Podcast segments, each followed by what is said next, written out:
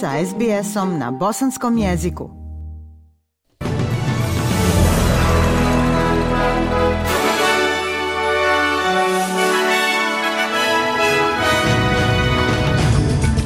U današnjim vijestima poslušajte. Laboristi pobjedili na izborima u Viktoriji.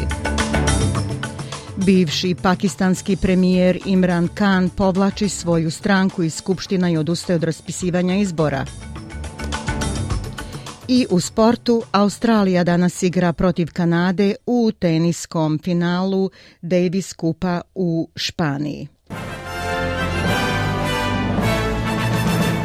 Slušate vijesti SBS radija na bosanskom jeziku. U Viktoriji laburisti se vraćaju na vlast u trećem uzastopnom mandatu nakon državnih izbora održanih jučer. Koalicija se nadala da će uvjeriti birače da je potrebna promjena, ali njihove poruke su propale. Vođa liberala Matthew Guy priznao je poraz. On kaže da je vrijeme da se krene naprijed i ostaje optimista uprkos lošem rezultatu koalicije, nudeći ohrabrenje pristalicama liberala. Ono što možemo vidjeti je da ćemo s mnogim rezultatima predispitivanja završiti uprkos onome što mnogi komentatori kažu sa više mjesta u parlamentu, kako u gornjem, tako i u donjem domu. Zeleni su osvojili dva dodatna mjesta na izborima u Viktoriji, čime se broj članova donjeg doma povisio na pet. Prije jučerašnjeg glasanja stranka je imala tri mjesta u donjem domu, ali se predviđa da će od laburista preuzeti i Northcott i Richmond u Melbourneu. Lider zelenih Samantha Rat nam kaže da su rezultati izbora početak kraja dvopartijskog sistema u Viktoriji. Ranije u kampanji je rekla da se birači okreću zelenima zbog razočaranja.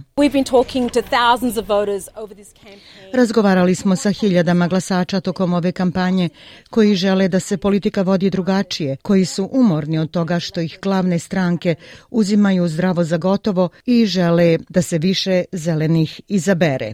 Ministar za odnose na radnom mjestu Tony Burke rekao je da će njegovi zakoni o radnim odnosima proći u parlamentu nakon pregovora sa predstavnicima Senata.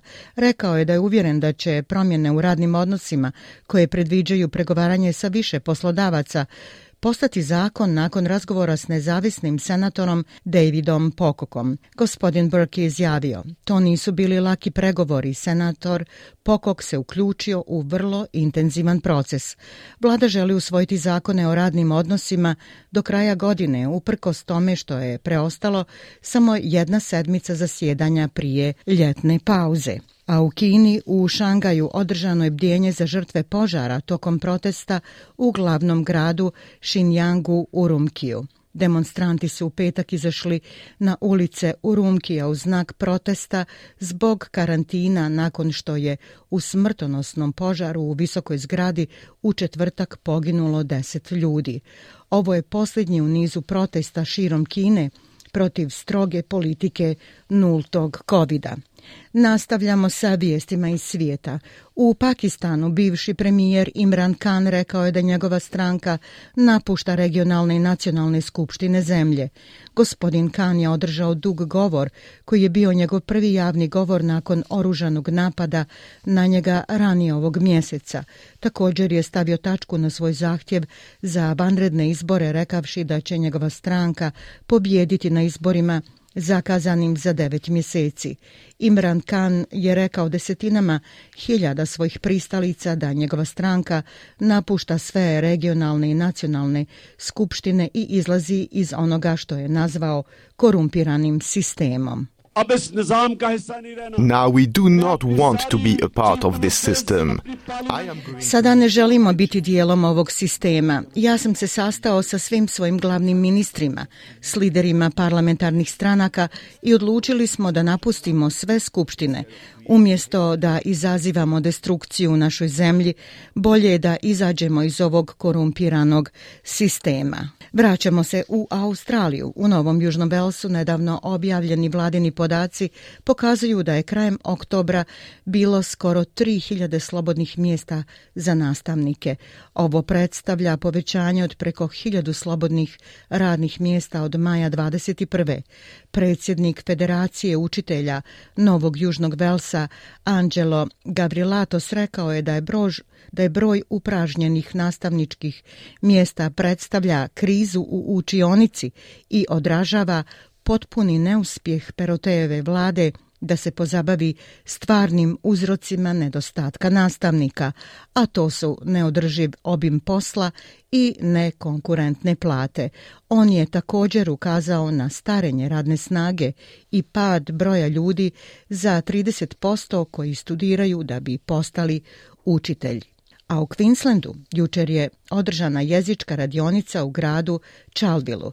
Tokom tri dana zajednica se okupljala u gradu u nadi da će revitalizirati autohtoni jezik Bidžara.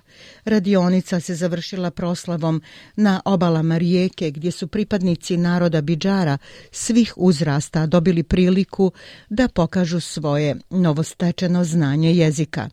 Radionica je napravljena uz podršku Gamila Roy, lingviste Descramp. On kaže da je bila privilegija biti dio ovog projekta i podvukao je važnost učenja jezika u zajednici. Oh, to je zaista osjećaj ponosa, ta povezanost za njihov identitet, ko su, odakle su i zašto je toliko važno naučiti jezik.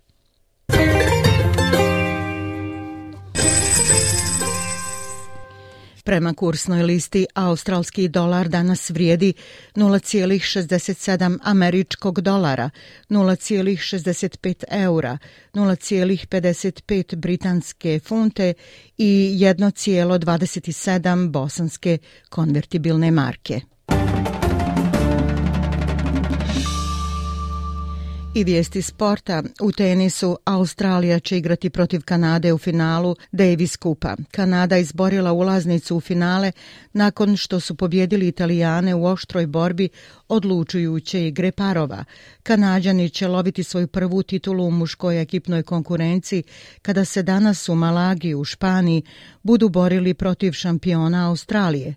U petak je Australija izborila kvalifikacije za finale pobjedivši Hrvatsku 2 prema 1. Biće to prvo finale Davis Kupa za Australiju u posljednjih 19 godina.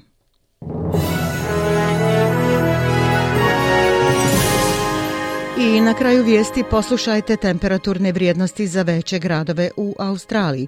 U Pertu sunčano 27, u Adelaidu 20, u Melbourneu pljuskovi 19, u Hobartu 17, u Kamberi 25, u Sidneju 29, Brisbaneu 31 i u Darwinu moguća oluja, ali 33 stepena Celzijusa.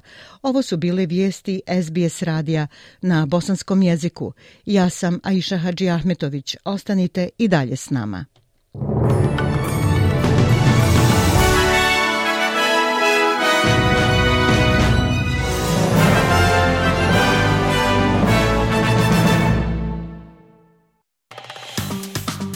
Like, share, comment. Pratite SBS Bosnian na Facebooku.